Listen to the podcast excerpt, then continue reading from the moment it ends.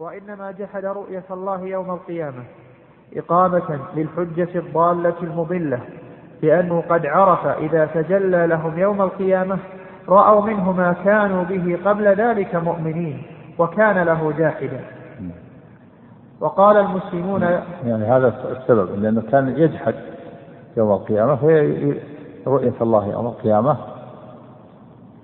جحد رؤية الله يوم القيامة إلا تقوم عليه الحجة. وإقامة الحجة الضالة بإنكاره رؤية الله لما أنكرها في الدنيا أنكر رؤية الله في الآخرة لما أنكر ذلك في الدنيا أراد أن يقيم هذه الحجة الباطلة. نعم. ما يقال عفى الله عنك أن من أنكر صفة الوجه وصفة العين وصفة فإن في هذا كفر السلف كفروا ما أنكر الرؤية. الأئمة كفروا وإنما إيش؟ العبارة وإنما وإنما جحد رؤية الله يوم القيامة إقامة للحجة الضالة المضلة لأنه قد عرف إذا تجلى لهم يوم القيامة رأوا منه ما كانوا به قبل ذلك مؤمنين وكان له جاحدا وقال المسلمون يا رسول الله هل نرى ربنا؟ فقال رسول الله صلى الله عليه وسلم يعني إذا تجلى الله رأوا ما, ما كان به المؤمنون من صفاته عز وجل وهو كان جاحدا فلا يريد أن أن تقوم عليه الحجة. نعم.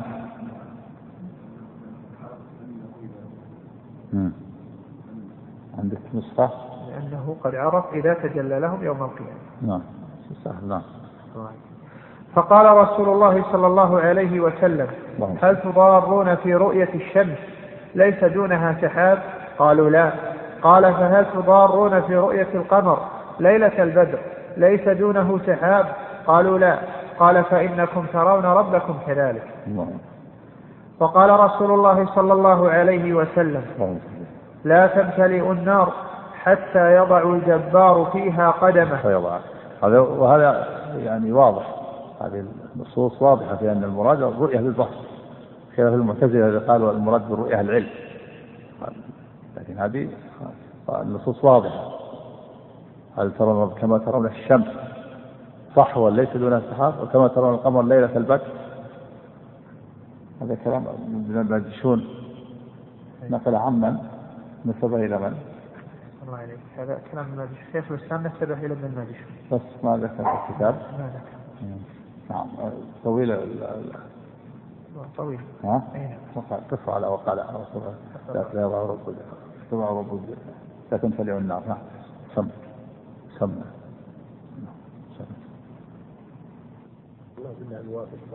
نعم.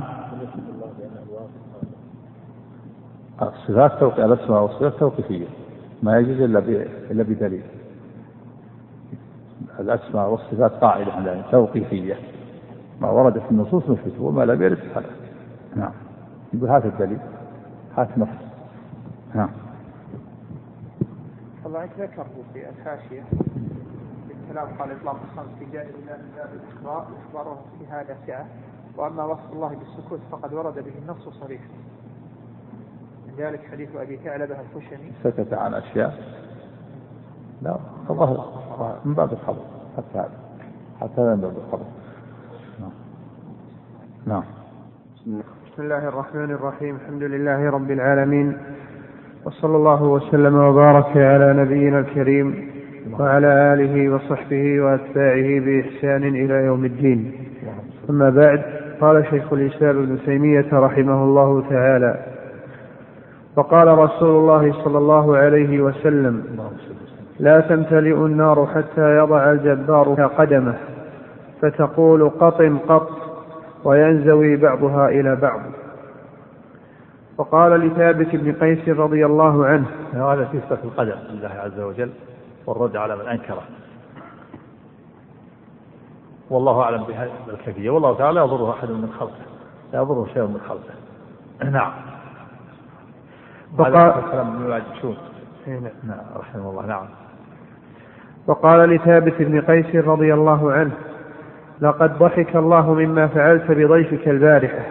نعم وهذا في صفة ضحك الله كما يقول بجعله وعورته وأهل البدع لا يستطيعون أن يثبتوا هذه الصفات شجن في حلوقهم هذه الآخر يضحك الله إلى رجلين يقتل أحدهم والآخر سلهم ويدخل الجنة إثبات الضحك لله على من يقول جلاله وعظمه لا يماثل أحدا من خلقه.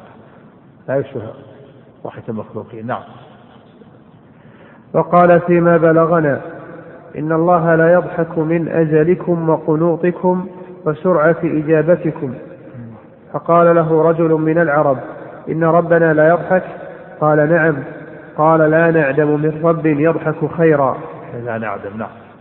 من أزلكم وقنوطكم. يعني يأسون فيأسون في اللفظ الآخر يعلم أن فرجكم قريب. أزلكم تكلم عليها. قال أزلكم الأزل الضيق والشدة. إيه. يقال هم في أزل العيش. وآزلت السنة أي اشتدت.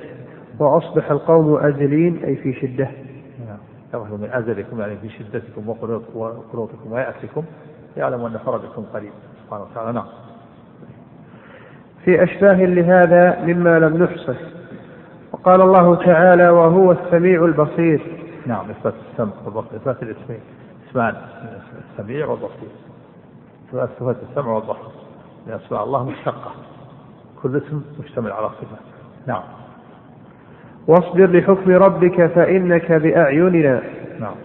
هذا هذا يعني بالمرأة منا وكلاء وحفظ. نعم. ولتصنع على على عيني. على مرأة مني. نعم. وقال ما منعك أن تسجد لما خلقت بيدي؟ إثبات اليدين لله والتثنية. لأن يدين أضافهما إلى ضمير الإفراد إلى ضمير نفسه سبحانه. نعم. وقال تعالى والأرض جميعا قبضته يوم القيامة. نعم قبضته يعني بيده سبحانه وتعالى. نعم. ها؟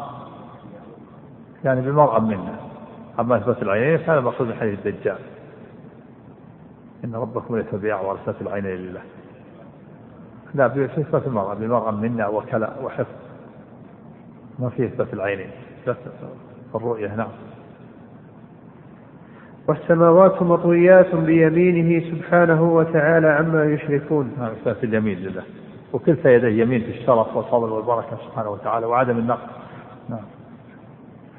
فوالله ما دلهم على عظم ما وصف من نفسه وما تحيط به قبضته إلا صغر نظيرها منهم عندهم. فوالله. فوالله ما دلهم على عظم ما وصف من نفسه وما تحيط به قبضته إلا صغر نظيرها منهم عندهم. إن ذلك الذي ألقى في روعهم. روعه روعهم. الروع هو القلب بضم أما الروع فهو الوجل والخوف. هذه ما تختلف. مثل المسك والمسك. روع قلب روع الوجل والخوف. قال تعالى عن إبراهيم فلما ذهب عن إبراهيم الروع وجاءت البشرى يجادلنا في قوم الروع يعني الخوف. وقال عز وجل إن روح القدس نفث في روعي أنه لن تموت نفس حتى تستكمل رزقها وأجلها يعني قلب الروع القلب. ضم الراء. نعم. إن ذلك الذي ألقى في روعهم إيش؟ فوالله ما دلهم على عظم ما وصف من نفسه. نعم. وما تحيط به قبضته إلا صغر نظيرها منهم عندهم. نعم. إن ذلك الذي ألقى في روعهم وخلق على معرفة قلوبهم فما وصف الله من نفسه فسماه على لسان رسوله صلى الله عليه وسلم سميناه كما سماه.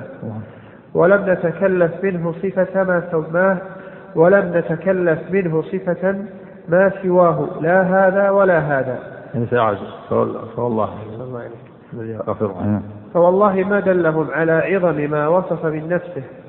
وما تحيط به قبضته إلا صغر نظيرها منهم عندهم. إن ذلك الذي ألقى في روعهم وخلق على معرفة قلوبهم. فما وصف الله من نفسه فسماه على لسان رسوله صلى الله عليه وسلم سميناه كما سماه. ولم نتكلف منه صفة ما سواه. لا هذا ولا هذا. لا نجحد ما وصف ولا نتكلف معرفة ما لم يصف نعم. هذا هو الواجب. لا يتكلم الإنسان يصف الله بما لا يصف نفسه ولا يجحد صفات الله. نعم. بل يثبت صفات الله عز وجل ولا يتكلف يثبت صفات لم تثبت لله لأن الصفات توقيفية الأسماء والصفات توقيفية. نعم. اعلم رحمك الله أن العصمة في الدين أن تنتهي في الدين حيث انتهى بك. ولا تجاوز ما حد لك إن من قوام الدين معرفة المعروف وإنكار المنكر فما بسطت عليه المعرفة وسكنت إليه الأفئدة وذكر أصله في الكتاب والسنة وتوارث علمه علمه الأمة فلا تخافن في ذكره وصفته من ربك ما وصفه من نفسه عيبا. إيش الكلام طيب. اعلم رحمك الله أن العصمة في الدين أن تنتهي في الدين حيث انتهى بك. الله أكبر. لا تتجاوز الحد. نعم لا تتجاوز القرآن والسنة. نعم. ولا تجاوز ما حد لك فإن من قوام الدين معرفة المعروف وإنكار المنكر فما بسطت عليه المعرفة وسكنت إليه الأفئدة وذكر أصله في الكتاب والسنة وتوارث علمه الأمة فلا تخافن في ذكره وصفته من ربك ما وصفه من نفسه عيبا. ولا تكلفن لما وصف لك من ذلك قدرا. وما أنكرته نفسك ولم تجد ذكره في كتاب ربك ولا في الحديث عن نبيك صلى الله عليه وسلم من ذكر ربك فلا تتكلفن علمه بعقلك ولا تصفه بلسانك. إيش؟ من صفتي ها؟ عندك؟ من ذكري ولا في الحديث عن نبيك من ذكر ربك. من ذكري على صفة ربك. أحسن الله عليك. إيه، نسخة عندك ولا؟ ما ذكر إيه، طيب. خطأ مطلق نعم. قال وما أنكرته نفسك ولم تجد ذكره في كتاب ربك. ولا في الحديث عن نبيك صلى الله عليه وسلم من ذكر صفة ربك فلا تتكلفن علم بعقلك ولا تصفه بلسانك واصمت عنه كما صمت الرب عنه من نفسه. فإن تكلفك معرفة ما لم يصف من نفسه كإنكارك ما وصف منها. فكما أعظمت ما جحد الجاحدون مما وصف من نفسه فكذلك أعظم تكلفك ما وصف الواصفون مما لم يصف منها. يعني هذا هذا عد سواء كما أنه لا يجوز أن ينكر شيئا من أسماء الله وصفاته فليس له أن يخترع الله أسماء وصفات من عند نفسه. لأن الأسماء والصفات توقيفية. الناس ما يخترعون أسماء وصفات الله ما يثبت الله إلا ما ثبت في الكتاب والسنة. نعم. فقد والله عز المسلمون الذين يعرفون المعروف. عز يعني قلوا. العزة. يعني قلوا.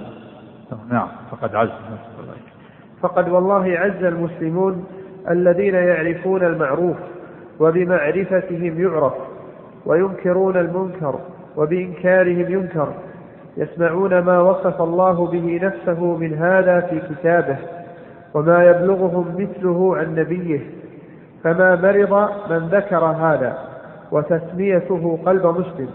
ولا تكلف صفة قدره ولا تسميه غيره ولا تسميه غيره من الرب مؤمن. فقد والله عز المسلمون الذين يعرفون المعروف وبمعرفتهم يعرف وينكرون المنكر وبإنكارهم ينكر يسمعون ما وصف الله به نفسه من هذا في كتابه وما يبلغهم مثله عن نبيه. فما مرض من ذكر هذا وتسميته قلب مسلم. فما مرض فما مرض من ذكر هذا وتسميته قلب مسلم. ما مرض من ذكره وما مرض من تسميته وذكر قلب مسلم. فما مرض من ذكر هذا إيه. وتسميته قلب مسلم. إيه. ولا تكن يعني الأمر يعني ما يمرض من التسمية والذكر قلب مسلم. ما دام إنه ذكر وسمي في الكتاب والسنة نعم. ها؟ إيش؟ ما مرض. فما مرض من ذكر هذا وتسميته قلب مسلم. ولا تكلف. قلب سليم يعني؟ نعم معنى صحيح. نعم. ولا تكلف صفة قدره ولا تسمية غيره من الرب مؤمن. ولا تكلف. ولا تكلف صفة قدره نعم. ولا تسمية غيره من الرب مؤمن. نعم. نعم. يعني الصفات الأسماء والصفات اللي هو في الكتاب والسنة يسميها الإنسان ولا ولا ولا يمرض بذكرها. ولكن لكن المصيبة أن يذكر يسمي الله بأسماء أو بصفات لم ترد في الكتاب والسنة. ولا عيش ولا تكلف صفة قدره ولا تسمية غيره من الرب مؤمن. وما ذكر عن الرسول صلى الله عليه وسلم. أنه سماه من صفة ربه فهو بمنزلة ما سمى وما وصف الرب من نفسه. نعم ما سماه الرسول أو وصفه فهو مثل ما سماه الله أو وصف بنفسه لأن السنة وحي ثاني نعم. والراسخون في العلم الواقفون حيث انتهى علمهم الواصفون لربهم بما وصف من نفسه التاركون لما ترك من ذكرها.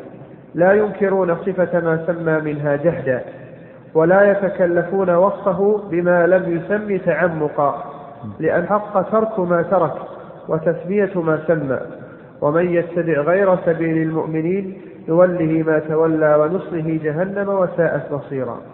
وهب الله لنا ولكم حكما وألحقنا بالصالحين. انتهى. كلام طيب كلام نعم. من بعد ما تبين له؟ الهدى ما عندكم الآية؟ أخطأ لا ويسر ويسر نعم.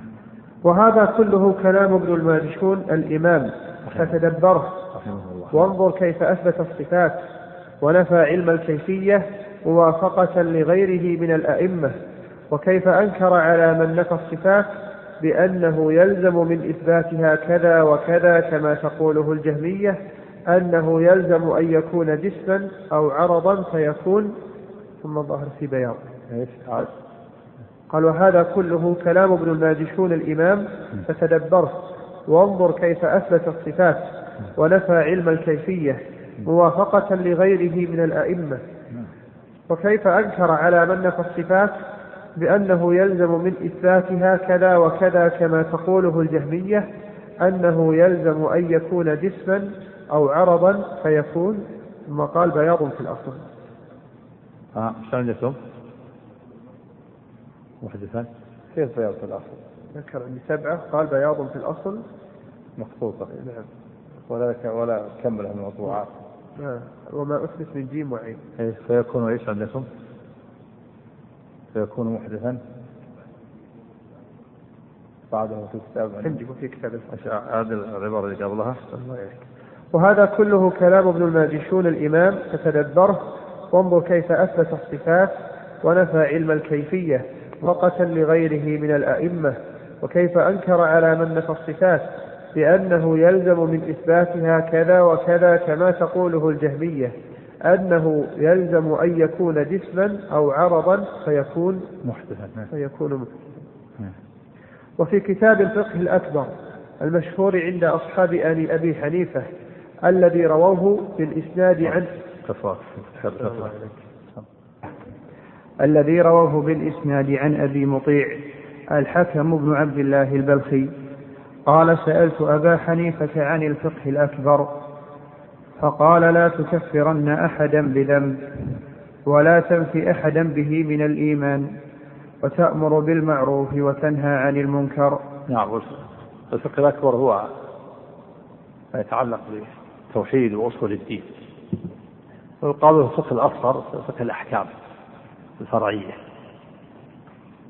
قال لا تكفر أحدا بذنب. هذا معتقد السنة والجماعة لا يكفر المسلم بالذنب الذي دون الشرك. ما يكفر إلا بالشرك لا تكفرن إيش؟ لا تكفرن أحدا بذنب ولا تنفي أحدا به من الإيمان. نعم كذلك. لا تخرج من الإيمان. نعم. وتأمر بالمعروف وتنهى عن المنكر. وتعلم أن ما أصابك لم يكن ليخطئك وما أخطأك لم يكن ليصيبك. نعم هذا القدر الإيمان بقدر الله. نعم. أن تعلم أن ما أصابك لم يكن ليخطئك وما أخطأك لم يكن ليصيبك. نعم.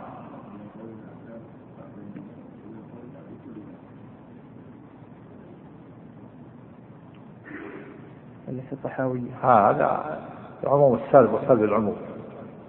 عموم السلب والسلب العموم. عموم السلب لا نكفر بكل ذنب. هذا مذهب لا نكفر عموم السلب يكفر بكل ذنب. هذا مذهب الخوارج. لا يكفر بكل ذنب. إذا كل ذنب كل ذنب لا يكفر به. كل ذنب لا يكفر به. هذا مذهب المرجئة. قول لا نكفر بكل ذنب هذا مذهب أهل السنة. يعني لا نكفر بكل ذنب وإنما نكفر بالذنوب الكفرية. فمذهب السنة يقول لا نكفر بكل ذنب. يعني كل ذنب لا نكفر به. أما المرجئة فإنهم لا يكفرون مطلقا حتى بالذنوب الكفرية. والخوارج يكفرون بكل ذنب كل كبيرة.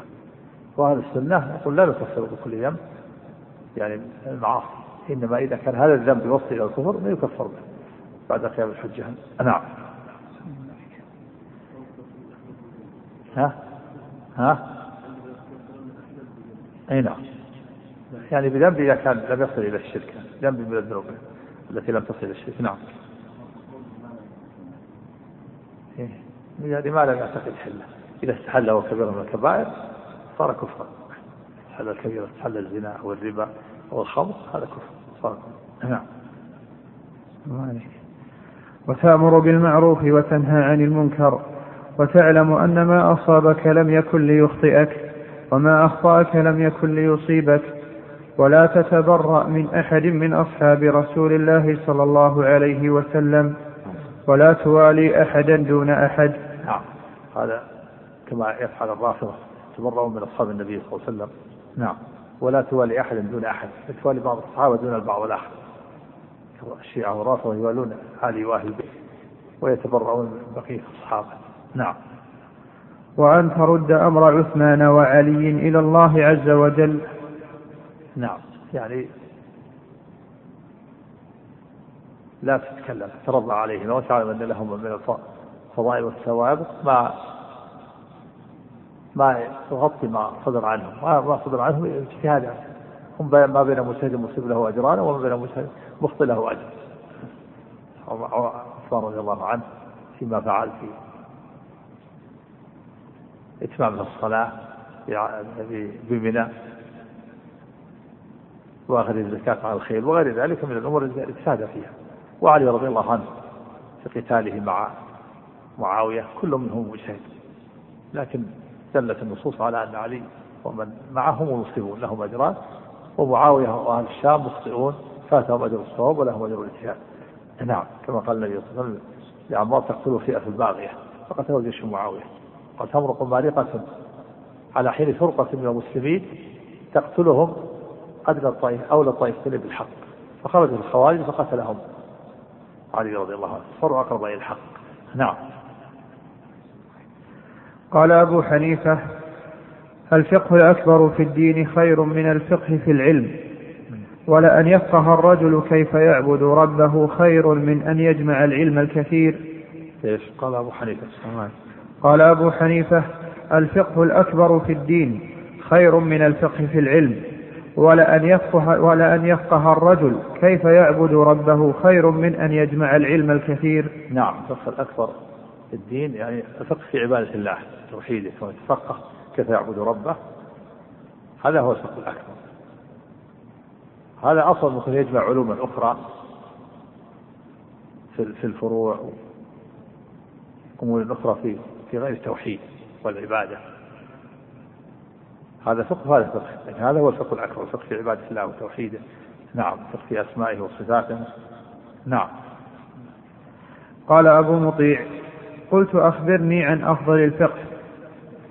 قال تعلم الرجل الإيمان والشرائع والسنن والحدود واختلاف الأئمة.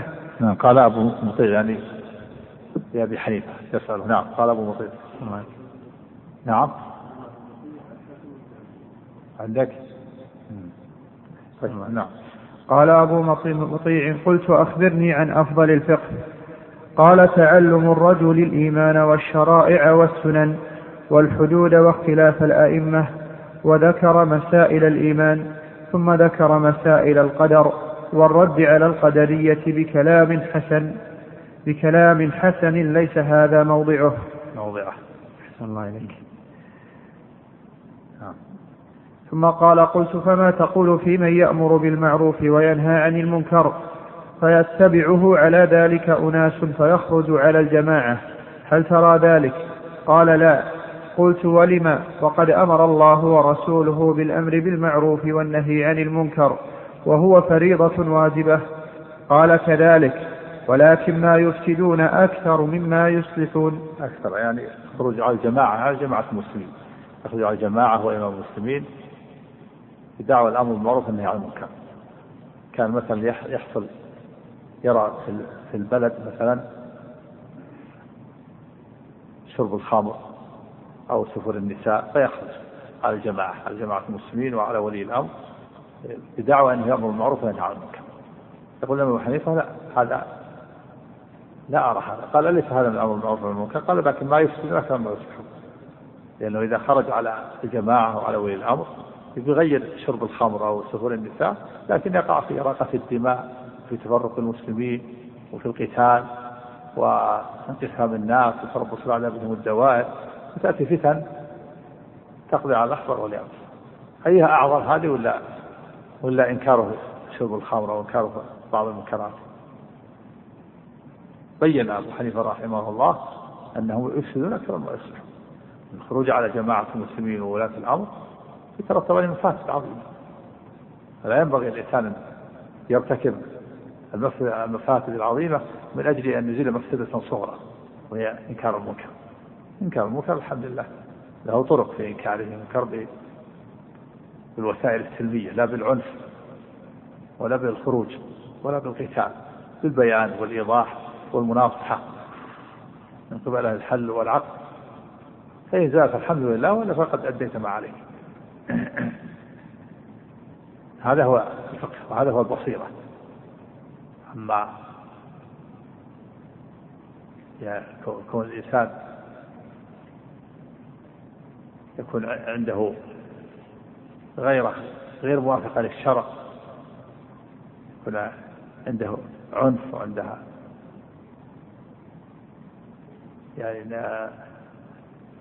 يزعم أن عنده نشاط. مخالف للشرع هذا باطل. نعم. ولهذا قال الأئمة هكذا قال لا. قال ليس هذا من معروف قال بلى لكن ما يفسد أكثر مما يصلح. ما يفسدون أكثر مما يصلحون. نعم. قال كذلك ولكن ما يفسدون أكثر ما يصلحون من سفك الدماء واستحلال الحرام. تفضل. رحمه الله. هذا هو الفقه. نعم. ها؟ عندك؟ عندي ماء. أكثر. لا مما يصلح نعم. نعم. نعم. قال وذكر الكلام في قتال الخوارج والبغاة إلى أن قال قال أبو حنيفة عمن قال لا أعرف ربي في السماء أم في الأرض فقد كفر لأن الله تعالى يقول الرحمن على العرش استوى وعرشه فوق سبع سماوات. نسأل الله العافية نعم. من أنكر أن يكون الله فوق العرش فقد كفر لأنه تنقص الرب سبحانه وجعلها مختلط من مخلوقات نعوذ بالله. نعم. قلت فإن قال إنه على العرش استوى ولكنه يقول لا أدري العرش في السماء أم في الأرض. قال هو كافر لأنه أنكر أن يكون في السماء لأنه تعالى في أعلى عليين وأنه يدعى من أعلى لا من أسفل. وفي لفظ سألت أبا حنيفة يعني يقول إذا قال إذا أقر بأن الله فوق العرش لكنه ما يدري العرش في السماء وفي الأرض. قال كفر. لأن العرش في السماء فوق. ولأن الله يدعى من أعلى لا من أسفل. فتقول فمن أن أنكر من أنكر أن يكون الله استوى على العرش هذا كفر. من أنكر من قال ما أدري ربي في السماء وفي الأرض هذا يكفر. لأن الله في السماء ومن قال إن الله على العرش استوى لكن ما أدري العرش في الأرض أو في السماء كفر لأن العرش في السماء ولأن الله يدعى من أعلى لا من أسفل. نعم. الله عليك. وفي لفظ سألت أبا حنيفة عمن يقول لا أعرف ربي في السماء أم في الأرض قال قد كفر لأن الله تعالى يقول الرحمن على العرش استوى وعرشه فوق سبع سماوات. قال فإنه يقول على العرش استوى ولكن لا يدري العرش في الأرض أو في السماء. قال إذا أنكر أنه في السماء فقد كفر. ففي هذا الكلام المشهور عن أبي حنيفة عند أصحابه أنه كفر الواقف الذي يقول لا أعرف ربي في السماء أم في الأرض فكيف يكون الجاحد النافي الذي يقول ليس في السماء أو ليس في الأرض ولا في السماء؟ واحتج على يعني يعني يقول إذا كان حنيفة كفر المتوقف يقول المتوقف يثبت أن الله فوق العرش لكن متوقف ما يدري. هل العرش في السماء أو في الأرض؟ يقول ما أدري. متردد. ما أدري أين هو العرش. هذا يكفر. إذا كان هذا المثبت الذي أثبت وجود الله وأثبت أنه على العرش لكنه متوقف وكفر فكيف بما قال ليس في فوق العرش إله؟ وليس في السماء إله؟ من الملاحدة والذي يقول لا داخل العالم ولا خارجه ولا فوق ولا تحته هذا من باب يكون كفر أعظم وأعظم. نعم. واحتج على كفره بقوله تعالى الرحمن على العرش استوى. قال وعرشه فوق سبع سماوات. وبين بهذا أن قوله تعالى الرحمن على العرش استوى. يبين أن الله فوق السماوات فوق العرش. وأن الاستواء على العرش دل على أن الله نفسه فوق العرش ثم أردف ذلك بتكفير من قال إنه على العرش استوى ولكن توقف في كون العرش في السماء أم في الأرض. قال لأنه أنكر أنه في السماء لأن الله في أعلى عليين وأنه يدعى من أعلى لا من أسفل وهذا تصريح من أبي حنيفة بتكفير من أنكر أن يكون الله في السماء. واحتج على ذلك بأن الله تعالى في أعلى عليين وأنه يدعى من أعلى لا من أسفل وكل من هذين الحجتين فطرية عقلية. فإن القلوب مفطورة على الإقرار بأن الله في العلو وعلى أنه يدعى من أعلى لا من أسفل. وقد جاء اللفظ الآخر صريحا عنه بذلك فقال إذا أنكر أنه في السماء فقد كفر. وروى هذا اللفظ عنه بالإسناد شيخ الإسلام أبو إسماعيل الأنصاري الهروي بإسناده في كتاب الفاروق نعم ها إيه؟ نعم وأنه إيه؟ نعم يعني أن الله يدعى من أعلى يعني يقول إذا أنكر هذه فطرية أمر فطري أن الله فوق العرش وفطر الله فقال أنه أنه يدعونه من أعلى لا يدعونه من أسفل. فإذا قال لا أدري العرش في السماء وفي الأرض أنكر أن يكون الله يدعى من أعلى. كف فيكفر وحنيفة لما قيل أنه يقول أن الله فوق العرش لكن ما يدري العرش في السماء وفي الأرض. قال هذا يكفر لأن الله يدعى من أعلى لا من ولأن الله في أعلى عليين وهذا شاك. ما يدري هل هو فوق ولا تحت. فيكفر نعم. مالك وروى هذا اللفظ عنه بالإسناد شيخ الإسلام أبو إسماعيل الأنصاري الهروي بإسناده في كتاب الفاروق. ورواه وأيضا وابن أبي حاتم أن هشام بن عبيد الله الرازي صاحب محمد بن الحسن قاضي الري حبس رجلا في التجهم. أما هشام وروى من؟ الله عليك. ورواه وأيضا وابن أبي حاتم يعني أبو إسماعيل. نعم. أن هشام بن عبيد الله الرازي صاحب محمد بن الحسن قاضي الري حبس رجلا في التجهم فتاب فجيء به إلى هشام ليلقه فقال الحمد لله على التوبة. فامتحنه هشام فقال أتشهد أن الله على عرشه بائن من خلقه؟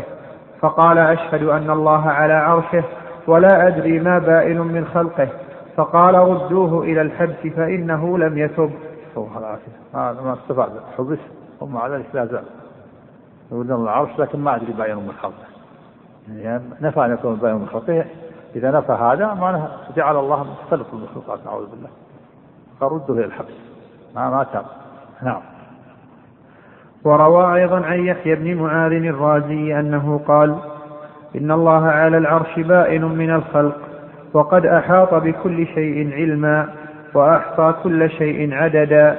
لا يشك في هذه المقالة إلا جهمي رديء ضليل وهالك مرتاب. يمزج الله بخلقه ويخلق منه الذات بالأقدار والأمثال. كلام طيب الله عليك وروى أيضا عن يحيى بن معاذ الرازي أنه قال إن الله على العرش بائن من الخلق. وقد أحاط بكل شيء علما وأحصى كل شيء عددا. لا يشك في هذه المقالة إلا جهمي رديء ضليل. وهالك مرتاب يمزج الله بخلقه. يعني يخلق يجعل الله المخلوقات نعم. يمزج الله بخلقه ويخلق منه الذات بالأقدار والأمثال الله العافية. وروى أيضا عن ابن المديني عن ابن المديني لما سئل ما قول أهل ما قول أهل الجماعة؟ قال يؤمنون بالرؤية والكلام وأن الله فوق السماوات على العرش استوى. إيش؟ وروى أيضا عن ابن المديني لما سئل ما قول أهل الجماعة؟ قال يؤمنون بالرؤية والكلام وأن الله فوق السماوات على العرش استوى. فسئل عن قوله تعالى ما يكون من نجوى ثلاثة إلا هو رابعهم. فقال اقرأ ما قبلها. ألم تر أن الله يعلم ما في السماوات وما في الأرض؟ نعم يعني المراد العلم ما يكون له معهم بعلمه. هو فوق العرش سبحانه وتعالى. نعم. وروى أيضا عن أبي عيسى الترمذي رحمه الله قال هو على العرش كما وصف في كتابه وعلمه وقدرته وسلطانه في كل مكان. صاحب السنة وروى وروى أيضا عن أبي عيسى الترمذي قال هو على العرش كما وصف في كتابه وعلمه وقدرته وسلطانه في كل مكان. وروى عن أبي زرعة الرازي أنه سئل عن تفسير قوله تعالى الرحمن على العرش استوى. فقال تفسيره كما تقرأ هو على العرش. وعلمه في كل مكان. من قال غير هذا فعليه لعنة الله. وروى أبو القاسم اللالكائي صاحب أبي حامد الإسفرايني في أصول السنة بإسناده عن محمد بن الحسن صاحب أبي حنيفة قال اتفق الفقهاء كلهم من المشرق إلى المغرب على الإيمان بالقرآن والأحاديث التي جاء بها الثقات عن رسول الله صلى الله عليه وسلم في صفة الرب عز وجل من غير تفسير ولا وصف ولا تشبيه. من غير تفسير يعني من غير تفسير الكيفية. نعم. من غير تفسير ولا وصف ولا تشبيه. فمن فسر اليوم شيئا من ذلك فقد خرج مما كان عليه النبي صلى الله عليه وسلم وفارق الجماعة. فإنهم لم يصفوا ولم يفسروا ولكن أفتوا بما في الكتاب والسنة ثم سكتوا. فمن قال بقول جهل فقد فارق الجماعة فإنه قد وصفه بصفة لا شيء. إن جهل نعوذ بالله. لأنه سلب عن الله جميع الأسماء والصفات. فوصف بصفة لا شيء وهو المعدوم. وصفه بالمعدوم نعوذ بالله. لأن شيء ليس له صفات لا لا سمع ولا بصر ولا علم ولا قدرة. ولا فوق ولا تحت هذا لا شيء هذا معدوم نعوذ بالله. نعم. محمد بن الحسن أخذ عن أبي حنيفة ومالك وطبقتهما من العلماء. كذا محمد بن الحسن بس. نعم. ما بصر يوم قبله. ما إيه محمد. محمد بن الحسن أخذ عن أبي حنيفة ومالك وطبقتهما من العلماء. وقد حكى على هذا الإجماع. وأخبر أن يعني يبين محمد بن الحسن أنه من العلماء يأخذ عن أهل العلم. وقد حكى الإجماع على كفر الجهمية نعم. محمد محمد بن الحسن. محمد بن الحسن أخذ عن أبي حنيفة ومالك وطبقتهما من العلماء وقد حكى على هذا الإجماع وأخبر أن الجهمية تصفه بالأمور السلبية غالبا أو دائما. وقوله من غير تفسير أراد به تفسير الجهمية المعطلة الذين ابتدعوا تفسير الصفات بخلاف ما كان عليه الصحابة والتابعون من الإثبات. يعني يفسر الثواب بالثولة وجاء في موضع آخر أن المراد تفسير من غير تفسير للكيفية. من غير تفسير للجهمية ومن غير تفسير للكيفية. هذا من الأمراد الجهمية يفسرون السوائق بالثولة هذا تفسير باطل. وما أشبه ذلك. من تفسيراتهم الباطلة نعم. وروى البيهقي وغيره. وقوله غير تفسير. وقوله غير تفسير أراد به تفسير الجهمية المعطلة. نعم. الذين ابتدعوا تفسير الصفات بخلاف ما كان عليه الصحابة والتابعون من الإثبات. نعم. وروى البيهقي وغيره بأسانيد صحيحة. عن أبي عبيد القاسم بن سلام قال هذه الأحاديث التي يقول فيها ضحك ربنا من قنوط عباده وقرب غي وقرب غيره. إثبات الضحك نعم. وقرب غيره وأن جهنم لا تمتلئ حتى يضع ربك قدمه نعم. فيها. فيضع. إثبات القدم نعم. حتى يضع ربك قدمه فيها. والكرسي موضع القدمين. هذا ثبت عن ابن عباس. نعم. وهذه الأحاديث في الرؤية هي عندنا حق حملها الثقات بعضهم عن بعض غير أن إذا سئلنا عن تفسيرها لا نفسرها وما أدركنا أحدا يفسرها. يعني لا نفسر تفسير الجهمية ولا نفسر ولا نكيف نعم. نعم. نعم. نعم. في الآخرة. نعم. أبو عبيد أحد الأئمة الأربعة الذين هم الشافعي وأحمد وإسحاق وأبو عبيد وله من المعرفة بالفقه واللغة والتأويل ما هو أشهر من أن يوصف وقد كان في الزمان الذي ظهرت فيه الفتن والأهواء وقد أخبر أنه ما أدرك أحدا من العلماء يفسرها أي تفسير الجهمية.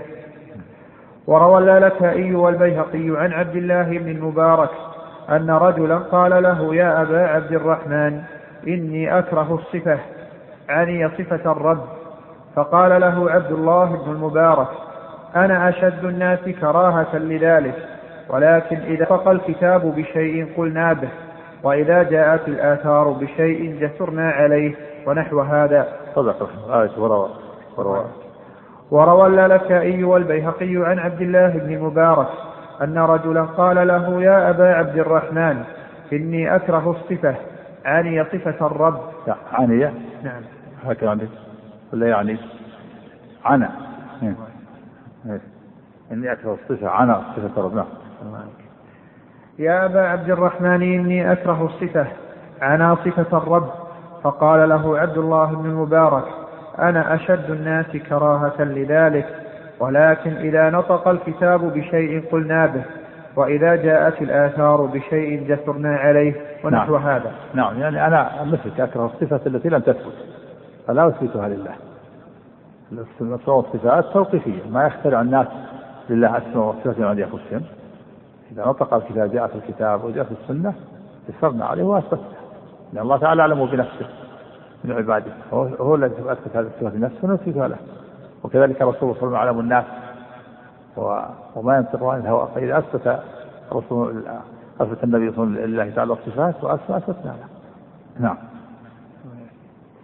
أراد ابن المبارك أننا نكره أن نبتدئ بوصف الله من ذات أنفسنا حتى يجيء به الكتاب والآثار. نعم. وروى عبد الله بن أحمد وغيره بأسانيد صحاح عن ابن المبارك أنه قيل له بماذا نعرف ربنا؟ اصحى الله إليكم نعم. مشهور مشهور يحتاج إلى تحقيق. تكلم ها؟ تكلم المخشى الله عنك عن عن هذا. إيه مشهور الله عنك قال طبع الكتاب عدة طبعات إلى أن قال وفي صحة نسبته إلى أبي حنيفة نظر. أما من ناحية السند فإن كل من الروايتين لا تخلو من مقال. وحماد بن أبي حنيفة وأبو مطيع كلاهما متكلم فيه من ناحية الرواية. فمن العلماء من ينسب الكتاب لأبي حنيفة مطلقا مثل شيخ الإسلام وابن أبي العز الحنفي والبغدادي وحاجي خليفة. بينما نجد الإمام الذهبي واللكنوي ينسبان الفقه الأكبر الذي برواية أبي مطيع إلى أبي مطيع نفسه ولعل هذا أصله من أمال أبي حنيفة وجمعها. من أمالي نعم. من أمال أبي حنيفة وجمعها ودونها أبو مطيع.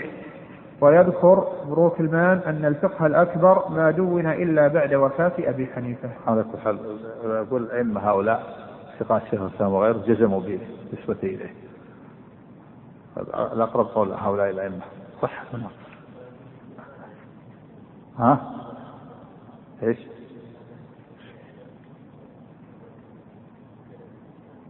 إيه؟ على كل حال هذا له له أسباب. أسباب في محل هنا بسم الله الرحمن الرحيم. الحمد لله رب العالمين وصلى الله وسلم وبارك على نبينا محمد وعلى آله وصحبه وأتباعه بإحسان إلى يوم الدين أما بعد. قال شيخ الإسلام ابن تيمية رحمه الله تعالى وروى عبد الله بن أحمد وغيره بأسانيد صحاح عن ابن المبارك أنه قيل له بماذا نعرف ربنا؟ قال بأنه فوق سماواته على عرشه.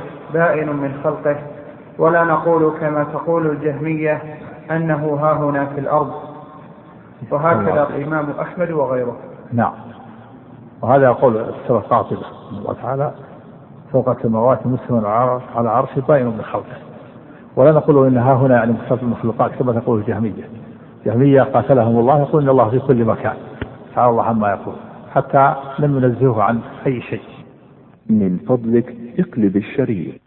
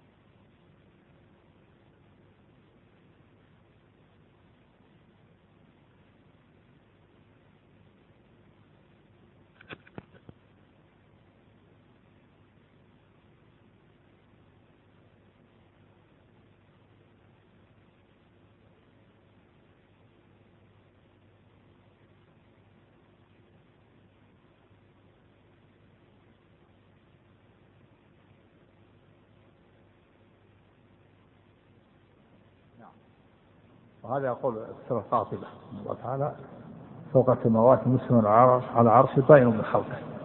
ولا نقول إن ها هنا يعني مختص المخلوقات كما تقول الجهمية. الجهمية قاتلهم الله يقول إن الله في كل مكان. تعالى الله عما يقول. حتى لم ينزهه عن أي شيء.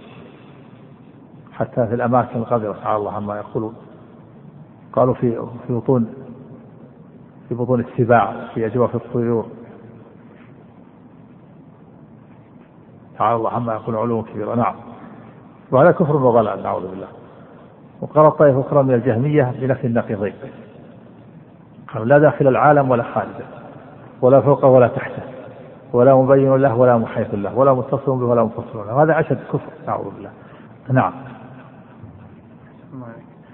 وروى بإسناد صحيح عن سليمان بن حرب الإمام سمعت حماد بن زيد وذكر هؤلاء الجهمية فقال إنما يحاولون أن يقولوا ليس في السماء شيء.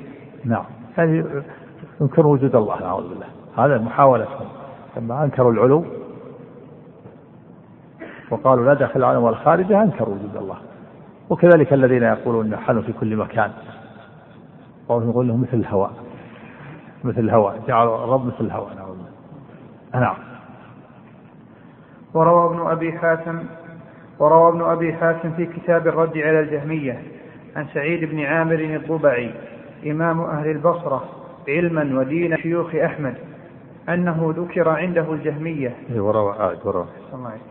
وروى ابن أبي حاتم في كتاب الرد على الجهمية عن سعيد بن عامر الضبعي إمام أهل البصرة علما ودينا من شيوخ أحمد. أنه ذكر عنده الجهمية الجهمية فقال هم أشر قولا من اليهود والنصارى. جهمية نعم. أنه ذكر عنده الجهمية فقال هم أشر قولا من اليهود والنصارى. وقد اجتمع اليهود والنصارى وأهل الأديان مع المسلمين على أن الله على العرش. وقالوا هم ليس عليه شيء. نعم وأشر من يعني من هذه من كارهم كارهم العلو. اليهود والنصارى وأهل الأوثان أقروا بأن الله موجود وأنه فوق العرش. وهؤلاء أنكروا وجود الله. لأنهم لما أنكروا العلو وقالوا في كل مكان أو قالوا لا دخل العالم ولا خارجه أنكر. أنكروا وجود الله. تدور أقوالهم كما قال عبد الله بن أن يقول ليس على ليس ليس على العرش إله. نعم. اليهود أحسن حالة منهم هذه الناحية من جهة إثبات إثبات الرب وأنه في العلو. أو الجهمية قالوا ما ليس هناك رب فوق. نعم نعوذ بالله. وقال محمد بن إسحاق بن خزيمة إمام الأئمة من لم يقل إن الله فوق سماواته على عرشه بائن من خلقه وجب أن يستتاب فإن تاب وإلا ضربت عنقه ثم ألقي على مزبلة لئلا يتأذى بنتن ريحه أهل القبلة ولا أهل الذمة. ذكره عنه الحاكم بإسناد صحيح. وهذا يدل على أن الإمام ابن رحمه الله يرى أن من أنكر علو الله فهو مرتد. ويكون أشد من اليهود والنصارى. لأن اليهود والنصارى يبقون إذا دفعوا الجزية. أما هذا ما ما يبقى. لابد ليس له إلا الإسلام والسيف يضرب عنق أما اليهود والنصارى لهم الجزية أيضا يدفعون الجزية ولهذا قال يستدعى فإن تاب وإلا ضرب ضربت عنقه طرح على مزبلة وهي ملتقى وهي مكان الكناسة والقمامة. طرح على مزبلة بعيدة عن البلد حتى لا تأذى برائحة نتنة لا أهل الإسلام ولا أهل الذمة. لا يتأذى به المسلمون ولا يتأذى به اليهود والنصارى. لأن على شد كفرا من اليهود والنصارى. لأنه يبعد حتى لا يتأذون به.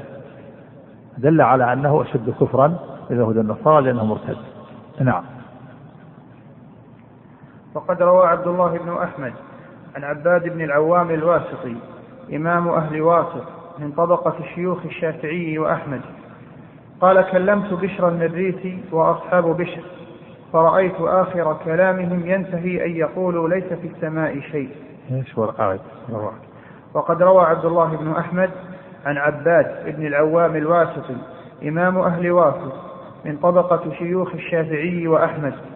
قال كلمت بشر المريسي وأصحاب بشر فرأيت آخر كلامهم ينتهي أن يقولوا ليس في السماء شيء. نعم وبشر المريسي هذا جهل تزعم طائفة المريسية. في القرن الثالث الهجري يقول هذا الإمام عباد إني تأملت كلامهم ورأيت أن يعني مقتضى كلامهم إنكار الرب يدور على أنه ليس فوق العرش إله. أعوذ بالله. نعم. هذا مقتضى قول الجهمية. نعم. وعن عبد الرحمن بن مهدي الإمام المشهور أنه قال ليس في أصحاب الأهواء شر من أصحاب جهل. يدورون على أن يقولوا ليس في السماء شيء. أرى والله أن لا يناكحوا ولا يورثوا نعم. أصحاب الأهواء البدع. وليس هناك أشد من البدع من الجهمية. يدور كلامهم على إنكار الرب أرى أن لا يناكحوا ولا يورثوا لأنهم كفار. يعني حكم عليهم بالكفر. نعم. وروى عبد الرحمن بن أبي حاتم في كتاب الرد على الجهمية عن عبد الرحمن بن مهدي قال أصحاب جهم يريدون أن يقولوا أن الله لم يكلم موسى ويريدون أن يقولوا ليس في السماء شيء وأن الله ليس على العرش. أرى أن يستتابوا فإن تابوا وإلا قتلوا. الله العافية. نعم. وهل حكم بكفرهم نعم.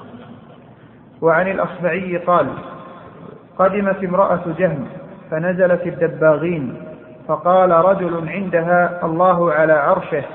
فقالت محدود على محدود وقال الأصمعي كافرة بهذه المقالة.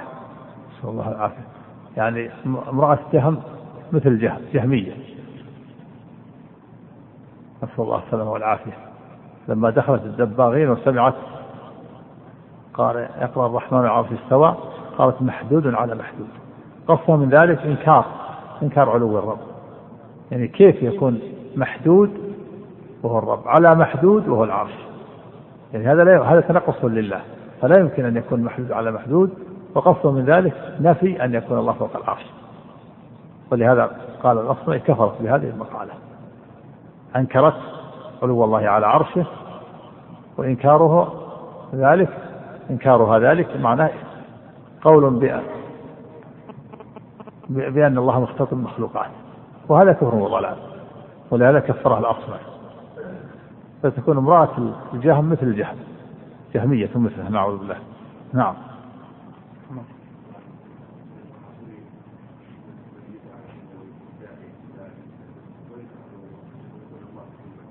أعوذ أعوذ بالله. هذا كفر هذا كفر وضلال كما سبق إذا قامت عليه الحجة نعم. إذا قامت عليه الحجة وليس له شبهة كما ذكر العلماء الآن هذا تكفير بالعموم الآن. بل تكفير بالخصوص. الأصل يكفر هذا وكفر كفر بشر المريسي نعم. نعم. وعن عاصم بن علي بن عاصم شيخ أحمد والبخاري وطبقتهما قال نظرت جهما فتبين من كلامه أنه لا يؤمن أن في السماء ربا. الله العافية نعم. وروى الإمام أحمد قال حدثنا سريج بن النعمان قال سمعت عبد الله بن نافع الصائغ. قال سمعت مالك بن أنس يقول الله في السماء وعلمه في كل مكان لا يخلو من علمه مكان. نعم هذا هو قول السنة قاصد الله فوق العرش وعلمه في كل مكان. هو سبحانه وتعالى فوق العرش ويعلم كل شيء. ويسمع كلام عباده. ويراهم. من فوق عرشه سبحانه وتعالى وتنفذ قدرته ومشيئته فيهم. وهو فوق العرش سبحانه وتعالى. نعم. وقال الشافعي خلافة أبي بكر رضي الله عنه حق قضاها الله في سمائه وجمع عليه قلوب عباده. نعم. وقضاها الله في سمائه إثبات أن الله في السماء والجهمية نعم. وفي الصحيح عن أنس بن مالك رضي الله عنه قال كانت زينب تفتخر على أزواج النبي صلى الله عليه وسلم تقول زوجكن أهاليكم وزوجني الله من فوق سبع سماوات. نعم هذا فيه إثبات أن الله فوق العرش فوق السماوات وذلك أن الله سبحانه وتعالى زوج نبيه زينب لما طلقها زيد زوج زيد لحارثة وكان مولى للنبي صلى الله عليه وسلم. خرجت من العدة زوجها الله من فوق سبع سماوات. من دون ولي. فوليها الله. ولهذا كانت تفخر تفخر على أزواجهم على أزواج النبي. وزوجكن أهلكن وزوجنا الله من فوق سبع سماوات قال الله تعالى فلما قضى زيد منها وطرا زوجناكها. زوجها الله من فوق سبع سماوات. هذا من من مناقب زينب رضي الله عنها. فدخل عليها النبي صلى الله عليه وسلم بدون ولي وبدون كذا بدون الشروط المعتبرة لغيره من الولي والشاهد والمهر. نعم. وهذا مثل قول الشافعي. وقصة أبي يوسف صاحب أبي حنيفة مشهورة في استتابة بشر المريسي حتى هرب منه لما أنكر الصفات وأظهر قول جهم قد ذكرها ابن أبي حاتم وغيره. نعم. وقال أبو عبد الله محمد بن عبد الله ابن أبي زمنين. كذا نعم. الإمام المشهور من أئمة المالية في كتابه الذي صنفه في أصول السنة قال فيه باب الإيمان بالعرش. قال ومن قول أهل السنة أن الله عز وجل خلق العرش واختصه بالعلو والارتفاع فوق جميع ما خلق ثم استوى عليه كيف شاء. نعم هو سقف المخلوقات. العرش سقف المخلوقات. نعم. ثم استوى عليه كيف شاء كما أخبر عن نفسه في قوله تعالى الرحمن على العرش استوى وقوله تعالى ثم استوى على العرش يعلم ما يلج في الأرض فسبحان من بعد وقرب بعلمه. فسمع النجوى. وذكر حديث أبي رزين العقيلي قلت يا رسول الله أين كان ربنا قبل أن يخلق السماوات والأرض؟ قال في عماء ما تحته هواء وما فوقه هواء ثم خلق عرشه على الماء. نعم. والعمى هو السحاب الرقيق. كان فيه عماء يعني سحاب. ما فوقه هواء وما يعني الذي فوقه هواء والذي تحته هواء وهذا الحديث فيه وكيع بن الحدث ويقال العدس فيه ضعف. حديث في سند وكيع بن العدس أو الحدث قال في العدس ويقال الحدث في بعض الضعف. نعم. لكن نصوص العلي كثيرة. نعم. نعم. لا حصر لها. أفراد أفرادها تزيد على ثلاثة آلاف دليل. كلها تدل على علو الله على علو الله على خلقه. نعم. قال محمد العماء السحاب الكثيف المطبق فيما ذكره الخليل. هكذا؟ نعم الله قال العماء السحاب الكثيف المطبق فيما ذكره الخليل وذكر آثارا أخر ثم قال باب الإيمان بالكرسي. قال محمد بن عبد الله ومن قول أهل السنة أن الكرسي بين يدي العرش وأنه موضع القدمين. ثم هكذا هكذا صح عن ابن عباس. صح عن ابن عباس قال الكرسي موضع القدمين والعرش لا يقصد قدره إلا الله عز وجل. نعم.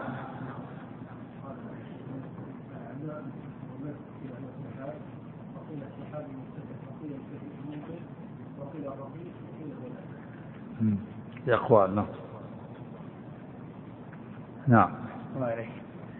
وأنه موضع القدمين ثم ذكر حديث أنس الذي فيه التجلي يوم الجمعة في الآخرة وفيه فإذا كان يوم الجمعة هبط من عليين على كرسيه ثم يحف بالكرسي منابر من ذهب مكللة بالجواهر ثم يجيء النبيون فيجلسون عليها.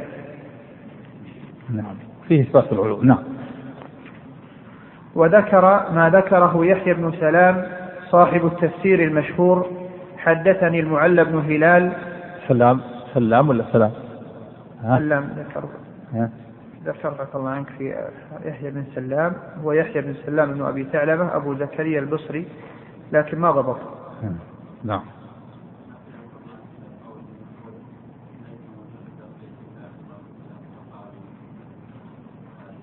بلى هذا هذا في رواة في الأحاديث في رواة المتقدمين عبد الله بن سلام الإسرائيلي ومحمد بن سلام الأرجح فيه التخفيف. لكن قد يكون هذا من المتأخرين. نعم. إيش عندك؟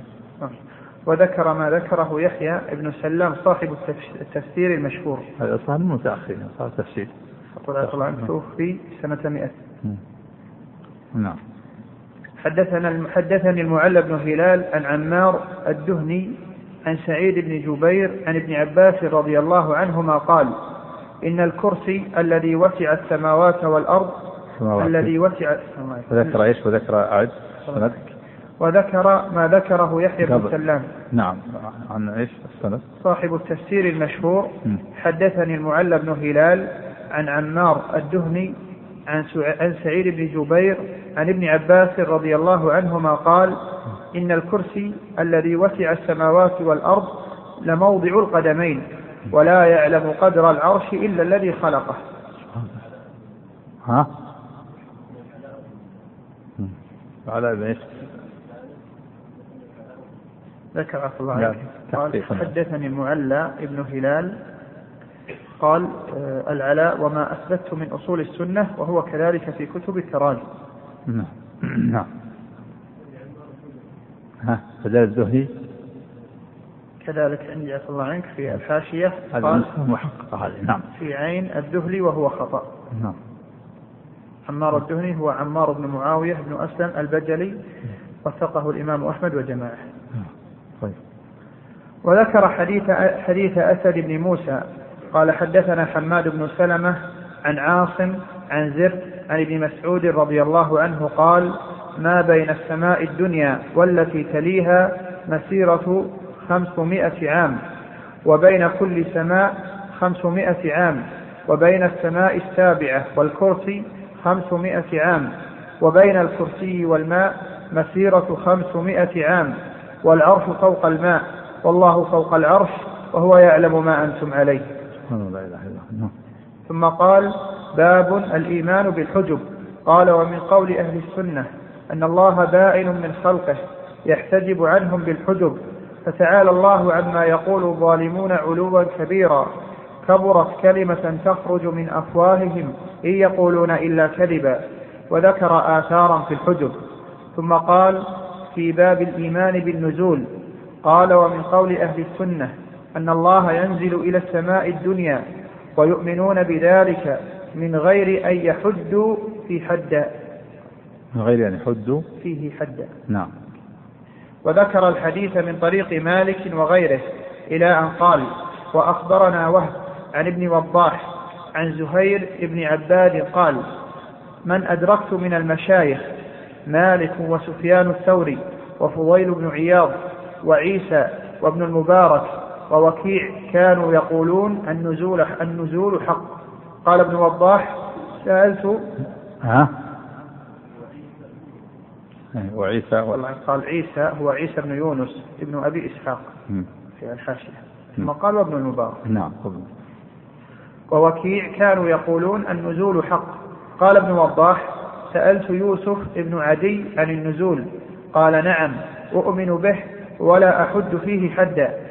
وسألت عنه ابن معين وسألت عنه ابن معين فقال أقر به ولا أحد فيه حدا قال محمد وهذا الحديث يبين أن الله عز وجل على عرشه في السماء دون الأرض وهو أيضا بين في كتاب الله وفيما غير حديث عن رسول الله صلى الله عليه وسلم قال تعالى يدبر الأمر إيش وهو. إيه؟ وهو بين الله. وهو أيضا بين في كتاب الله وفيما غير حديث عن رسول الله صلى الله عليه وسلم. نعم. قال تعالى يدبر الأمر من السماء إلى الأرض ثم يعرج إليه. يعني بين هذا واضح من النصوص. نعم. الرحمن العرش استوى آمن ثم في السماء تعرج الملائكة والروح إليه يصعد الكلم الطيب. نصوص واضح بين. نعم. قال تعالى يدبر الأمر من السماء إلى الأرض ثم يعرج إليه. وقال تعالى أأمنتم من في السماء أن يخسف بكم الأرض فإذا هي تمور؟ أم أمنتم من في السماء أن يرسل عليكم حاصبا؟ فستعلمون كيف نذير؟ وقال تعالى إليه يصعد الكلم الطيب والعمل الصالح يرفعه. وقال وهو القاهر فوق عباده. وقال تعالى يا عيسى إني متوفيك ورافعك إلي. وقال تعالى بل رفعه الله إليه. وذكر من طريق مالك قول النبي صلى الله عليه وسلم للجارية أين الله؟ قالت في السماء. قال من أنا؟ قالت أنت رسول الله. قال فاعتقها فإنها مؤمنة. كل هذه أدلة واضحة. الرفع يكون من من أسفل إلى أعلى والصعود كذلك. وعين الجارية بها عن المكان فدل عن الله في العلو. قال وهل البدع أنكروا أن يس- يسأل عن الله بأين قالوا هذا سؤال فاسد. سأل النبي الجارية لأنها أعجمية ما تفهم إلا هذا. وأقرها على جواب الفاسد هكذا اتهم الرسول عليه الصلاة والسلام. نعم. نعم. قال والأحاديث مثل هذا كثيرة جدا. مثله قال والأحاديث مثل هذا كثيرة جدا. فسبحان من علمه بما في السماء كعلمه بما في الأرض لا إله إلا هو العلي العظيم. سبحان الله. وقال قبل ذلك باب في الإيمان بصفات الله تعالى وأسمائه. قال واعلم بأن أهل العلم بالله وبما جاءت به أنبيائه وبما جاءت به أنبياؤه ورسله يرون الجهل بما لم يخبر به تعالى عن نفسه علما. والعجز نعم الجهل لم يخبر به نفسه علم يعني الشيء اللي ما أخبر به عن نفسه لا لا تتكلم. جهلك به علم. نعم. يرون الجهل نعم. يرون الجهل بما لم يخبر به تعالى عن نفسه علما والعجز عما لم يدعو إليه إيمانا. وأنهم إنما ينتهون من وصفه بصفاته وأسمائه إلى حيث انتهى في كتابه وعلى لسان نبيه صلى الله عليه وسلم. يعني يقفون يقفون عند هذا الحد يثبتون ما فتح الله نفسه وينفون عنه ما يفعل نفسه يقفون عند هذا الحد ينتهون إليه. نعم ولا يزيدون. نعم. وقد قال الله تعالى وهو أصدق القائلين كل شيء هالك إلا وجهه. إلا وجهه نعم. كل شيء هالك إلا وجهه. وقال تعالى صفات الوجه لله نعم. وقال تعالى قل أي شيء أكبر شهادة؟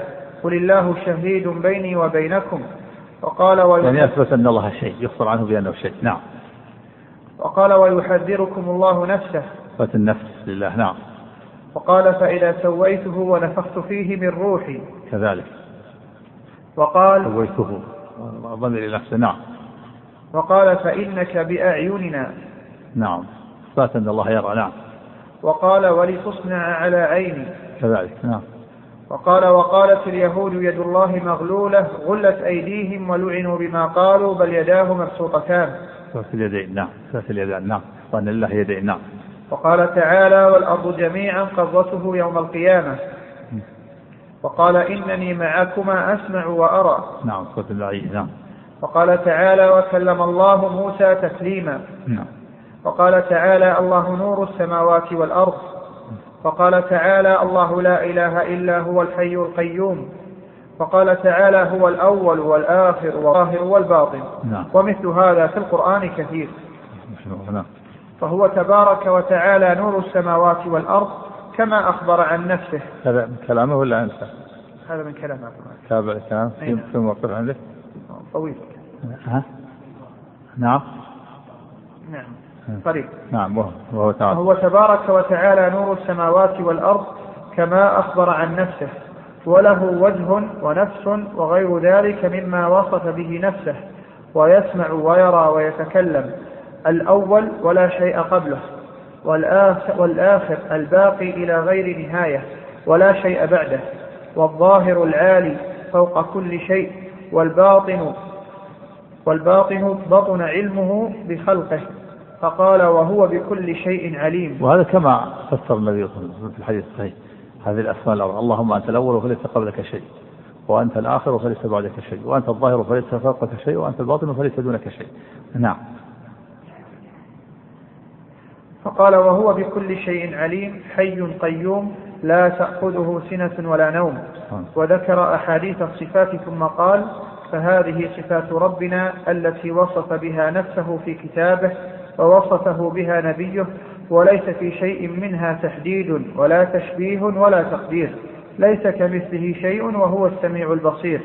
لم تره العيون فتحده كيف هو ولكن رأته القلوب في حقائق الإيمان. فتحده. فهمت. لم تره العيون فتحده كيف هو؟ ولكن رأته القلوب في حقائق الإيمان. انتهى. وكلام الأئمة في هذا الباب أطول. بسم الله الرحمن الرحيم. الحمد لله رب العالمين. صلى الله وسلم وبارك على نبينا الكريم. وعلى آله وصحبه وأتباعه إحسان إلى يوم الدين أما بعد. قال شيخ الإسلام ابن تيمية رحمه الله تعالى وكلام الأئمة في هذا الباب أطول وأكثر من أن تسع هذه الفتية عشره وكذلك كلام الناقلين لمذهبهم مثل ما ذكره أبو سليمان الخطابي في رسالته المشهورة في الغنية عن الكلام وأهله. قال فأما ما سألت عنه من الصفات مثل ما ذكره الخطابي. نعم. أبو سليمان. مثل ما ذكره أبو سليمان الخطابي في رسالته المشهورة في الغنية عن الكلام وأهله. نعم. قال فأما ما سألت عنه من الصفات وما جاء منها في الكتاب والسنة فإن مذهب السلف إثباتها وإجراؤها على ظواهرها ونفي الكيفية والتشبيه عنها. وقد نفاها قوم فأبطلوا ما أثبته الله وحققها قوم من المثبتين فخرجوا في ذلك إلى ضرب من التشبيه والتكييف. أعد فقال فقال. الله عليك. قال فأما ما سألت عنه من الصفات وما جاء منها في الكتاب والسنة فإن مذهب السلف إثباتها وإجراؤها على ظواهرها ونفي الكيفية والتشبيه عنها. وقد نفاها قوم فأبطلوا ما أثبته الله وحققها نفاها نفاها يعني في الصفات في الصفات قوم فأبطلوا ما أثبته الله. لو كان أثبتها لنفسه السميع البصير العليم إثبات العلم البصر السمع الاستواء. نعم. نفاها قوم فأبطلوا ما أثبته الله. نعم. وقد نفاها قوم فأبطلوا ما أثبته الله وحققها قوم من المثبتين فخرجوا في ذلك إلى ضرب من التشبيه والتكييف. يعني قوم نفوها فعطلوا الرب عن صفاته. وقوم غلوا في الإثبات حتى شبهوا الله بخلقه ومثلوه بعباده. نعم. قوله حققها يعني معناها يعني زادوا زادوا في الإثبات حتى وصلوا إلى إلى التشبيه. نعم. وحققها. وحققها قوم من المثبتين فخرجوا في ذلك إلى ضرب من التشبيه والتكييف. وإنما القصد في السلوك وإنما القصد في السلوك الطريقة المستقيمة بين الأمرين ودين الله تعالى بين الغالي فيه والمقصر عنه. وهذا مذهب السنة والجماعة أثبتوا الصفات ونفوا مماثلة المخلوقات. وسط بين مذهب المعطلة الذين غلوا في التنزيه حتى عطلوا حتى سلبوا الصفات عن الله سلبوا الله صفة كماله والمشبهة من الغلاة من الشيعة والرافضة غلوا في الإثبات حتى مثلوا الله بخلقه وقالوا صفات الله كصفات المخلوقين. وأهل السنة توسلوا أثبتوا ونفوا المماثلة. نعم. ها؟ وإنما القصد عند كيف؟ وإنما القصد في سلوك الطريق المست... في سلوك الطريقة المستقيمة بين الأمرين. نعم. يعني أن يسلك يعني القصد يعني التوسط والاعتدال. نعم. ودين الله تعالى بين الغالي فيه والمقصر عنه. والأصل في هذا أن الكلام في الصفات فرع عن الكلام في الذات. يحتذى في ذلك حذوه وأمثاله كما أن الله له ذات لا تشبه الذوات فله صفة لا تشبه الصفات نعم.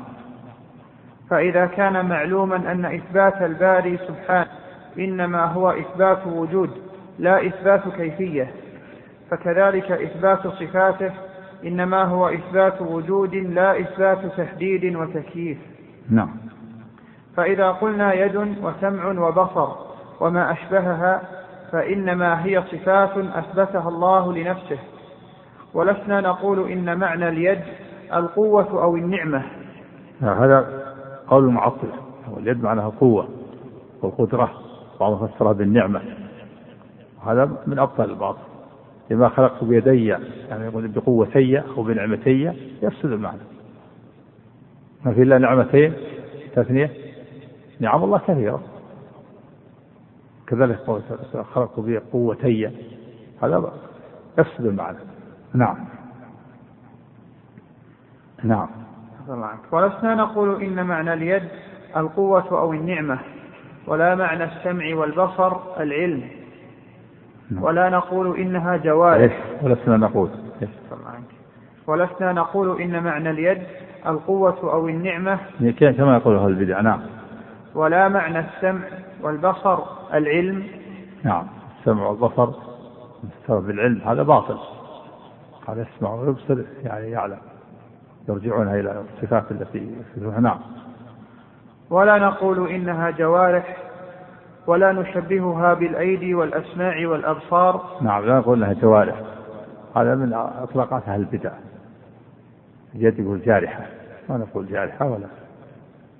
ثم قالوا إن إذا كانت جارحة ما ما تصلح لله. يعني الجارحة التي يكتسب بها الإنسان والله لا يكتسب شيئا. نعم. ولا جو... نقول إنها جوارح ولا نقول إنها جوارح ولا نشبهها بالأيدي الأسماع والأبصار التي هي جوارح وأدوات للفعل. نعم. لا نشبهها بالأسماع والأبصار صار مخلوقين وأسماع التي هي جوارح للفعل. بل الله تعالى صفات تليق بجلاله وعظمته. لا يمثل أحدا من خلقه كما قال سبحانه ليس كمثله شيء وهو السميع البصير. قال سبحانه هل تعلم له سميا؟ نعم. طبعا عنك والنفي قال أن الله ليس جسم ليس جارحة ليس لا النفي. ما هذا أقول لا, لا, لا الأشياء التي ما وردت لا تثبت ولا تنفى الجوارح ما يقال إن جوارح ولا قال ما يقال له جوارح ولا يقال له جوارح ولا يقال له جسم ولا جسم. الجوارح والحد والحيز والجهة كلها لا تطلق نفسا ولا إثبات. ومن أطلقها نفسا وإثبات يستفصل فإن أراد معنى حقا قبلناه ورددنا اللفظ وإن أراد معنى باطلا رددنا اللفظ والمعنى. نعم. ولا نشبهها بالأيدي والأسماع والأبصار التي هي جوارح وأدوات للفعل. ونقول إنما وجب إثبات الصفات لأن التوقيف ورد بها. نعم. توقيف يعني من الشاذ. نعم. ووجب نفي التشبيه عنه لأن الله ليس كمثله شيء. نعم. وعلى هذا جرى قول السلف في أحاديث الصفات. انتهى هذا كله كلام الخطابي. رحمه الله نعم. وهكذا قال أبو بكر الخطيب الحافظ في رسالة له أخبر فيها أن مذهب السلف على ذلك. وهذا الكلام الذي ذكره الخطابي قد نقل نحوا منه من العلماء ما لا يحصى مثل أبي بكر الإسماعيلي والإمام يحيى بن عمار يحيى بن عمار السجزي شيخ شيخ الإسلام أبي إسماعيل الأنصاري الهر ومثل أبي عثمان الصابوني شيخ الإسلام وأبي عمر بن عبد البر النمري إمام المغرب وغيرهم. وقال أبو نعيم الأصبهاني صاحب الحلية في عقيدة له في أولها. طريقتنا طريقة المتبعين للكتاب والسنة وإجماع الأمة. قال فمما اعتقدوه أن الأحاديث التي تثبت عن النبي صلى الله عليه وسلم في العرش واستواء الله يقولون بها ويثبتونها من غير تكييف ولا تمثيل ولا تشبيه. وأن الله بائن من خلقه والخلق بائنون منه. لا يحل فيهم ولا يمتزج بهم وهو مستو على عرشه في سمائه دون أرضه وخلقه. سبحان الله وهو مستو؟ الله وهو مستو على عرشه في سمائه دون أرضه وخلقه. سبحان الله. نعم. وهي الرد على أهل البدع الذين يقولون أنه اختلط المخلوقات الجهمية وهذا كفر وضلال. وهو مستو على عرشه بائن من خلقه. نعم. وقال الحافظ أبو نعيم في كتاب محجة الواثقين ومدرجة الوامقين تأليفه وأجمعوا أن الله فوق سماواته عال على عرشه مستو عليه لا مستول عليه كما تقول الجهمية. الجهمية يقول معناه استوى استولى. نعم. لا مستول عليه كما تقول الجهمية أنه بكل مكان خلافا لما نزل في كتابه أأمنتم من في السماء أن يخسف بكم الأرض فإذا هي تمور؟ إليه يصعد الكلم الطيب والعمل الصالح يرفعه.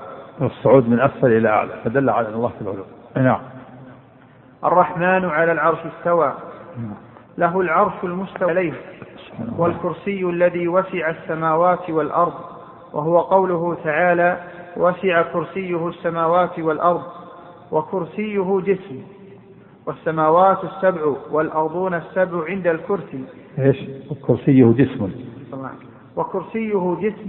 والسماوات السبع والأرضون السبع عند الكرسي كحلقة في أرض فلاح نعم بهذا بهذا جاء الأثر. نعم والكرسي بالنسبة للعرش كحلقة في فلاح أيضا. نعم. ظلم المخلوقات. نعم. إيه. هذا قول باطل روي عن ابن عباس لأن العلم هذا باطل باطل لا يصح. معنى وسع كرسي السماوات وسع علمه السماوات والأرض جسم نعم. كما جاء عن ابن عباس موضع القدمين. قال الكرسي موضع القدمين والعرش لا يقدر قدره إلا الله عز وجل. نعم. والسماوات السبع والأرضون السبع عند الكرسي كحلقة في أرض فلاح. وليس كرسيه علمه كما قالت الجهمية. نعم هذا صرح بهذا. وليس كرسيه علمه. وليس كرسيه علمه كما قالت الجهمية. هذا هذا من قول الجهمية. هو مروي عن ابن عباس. ابن عباس روي عنه روايات في الكرسي. قيل الكرسي العرش دخل الكرسي موضع القدمين والكرسي العلم. ثلاث روايات لكن الرواية باطلة. بين الكرسي وعلمه لأنه تفسير الجهمية. ولأنه يفسد المعنى. قرأت له وسع كرسي السماوات وسع علمه السماوات والأرض علم الله وسع كل شيء. ربنا وسع كل شيء رحمته وعلمه. هو خاص بالكرسي العلم. فإذا فسر الكرسي بالعلم صار العلم لا يسع إلا على السماوات إلا الكرسي. لا صار وسع كرسي السماوات والأرض العلم لا يسع إلا السماوات والأرض. مع أن العلم كما قال ربنا وسعت كل شيء رحمة وعلم نعم. وليس كرسيه علمه كما قالت الجهمية بل يوضع كرسيه يوم القيامة لفصل القضاء بين خلقه كما قاله النبي صلى الله عليه وسلم. اللهم وأنه تعالى وتقدس يجيء يوم القيامة لفصل القضاء بين عباده والملائكة صفا صفا. كما قال تعالى وجاء ربك والملك صفا صفا. وأنه تعالى وتقدس يجيء يوم القيامة لفصل القضاء بين عباده فيغفر لمن يشاء من مذنب الموحدين ويعذب من يشاء كما قال تعالى يغفر لمن يشاء ويعذب من يشاء. انتهى. ها؟ نعم. لا ما ما ينافي. الله أعلم بالكيفية نعم. يأمر الله فصل القضاء والله أعلم بالكيفية نعم. وقال الإمام العارف معمر بن أحمد الأصبهاني شيخ الصوفية في حدود المئة الرابعة في بلاده. قال أحببت أن أوصي أصحابي. قال وقال الإمام بسم الله الرحمن الرحيم. الحمد لله رب العالمين. وصلى الله وسلم وبارك على نبينا الكريم وعلى آله وصحبه أجمعين. أما بعد اللهم صل قال شيخ الإسلام ابن تيمية رحمه الله تعالى وقال الإمام العارف معمر بن أحمد الأصبهاني شيخ الصوفية في حدود المئة الرابعة في بلاده. قال أحببت أن أوصي أصحابي بوصية من السنة وموعظة من الحكمة وأجمع ما, وأجمع كان عليه أهل الحديث والأثر. وأجمع ما كان عليه أهل الحديث والأثر وأهل المعرفة والتصوف من المتقدمين والمتأخرين. قال فيها وأن الله استوى على عرشه بلا كيف ولا تشبيه ولا تأويل والاستواء معقول والكيف فيه مجهول وأنه عز وجل بائن من خلقه والخلق منه بائنون بلا حلول ولا ممازجة ولا اختلاط ولا ملاصقة لأنه المنفرد البائن من الخلق الواحد الغني عن الخلق. نعم فيها أثبت الاستواء قالوا بلا حلول ولا ممازجة يرد على الجهمية القائلة بالحلول واختلاط المبتدع لأنه يقول إن الله مختص المخلوقات أعوذ بالله. وهذا كفر وضلال الجهمية نفوا أن يكون الله في العلو وقالوا إنه حال في كل مكان. هذا اختلاط وامتزاج نعوذ بالله. ولهذا قال بلا حلول ولا ولا اختلاط ولا ممازجة نعم. يعني كما تقول الحلولية نعم. وأن الله عز وجل سميع بصير عليم خبير يتكلم ويرضى ويسقط ويضحك ويعجب ويتجلى لعباده يوم القيامة ضاحكا وينزل كل ليلة إلى سماء الدنيا كيف شاء. فيقول هل من داع فأستجيب له هل من مستغفر فأغفر له هل من تائب فأتوب عليه حتى يطلع الفجر. نعم كل هذه الصفات جاءت في النصوص. نعم. ونزول الرب إلى السماء بلا كيف ولا تشبيه ولا تأويل فمن أنكر النزول أو بلا بلا تشبيه ونزول الرب. الله عليك. ونزول الرب إلى السماء بلا كيف ولا تشبيه ولا تأويل. يعني تأويل ولا تأويل كتأويل الجهمية نعم نعم. فمن أنكر النزول أو تأول هو مبتدع ضال وسائر الصفوة من العارفين على هذا.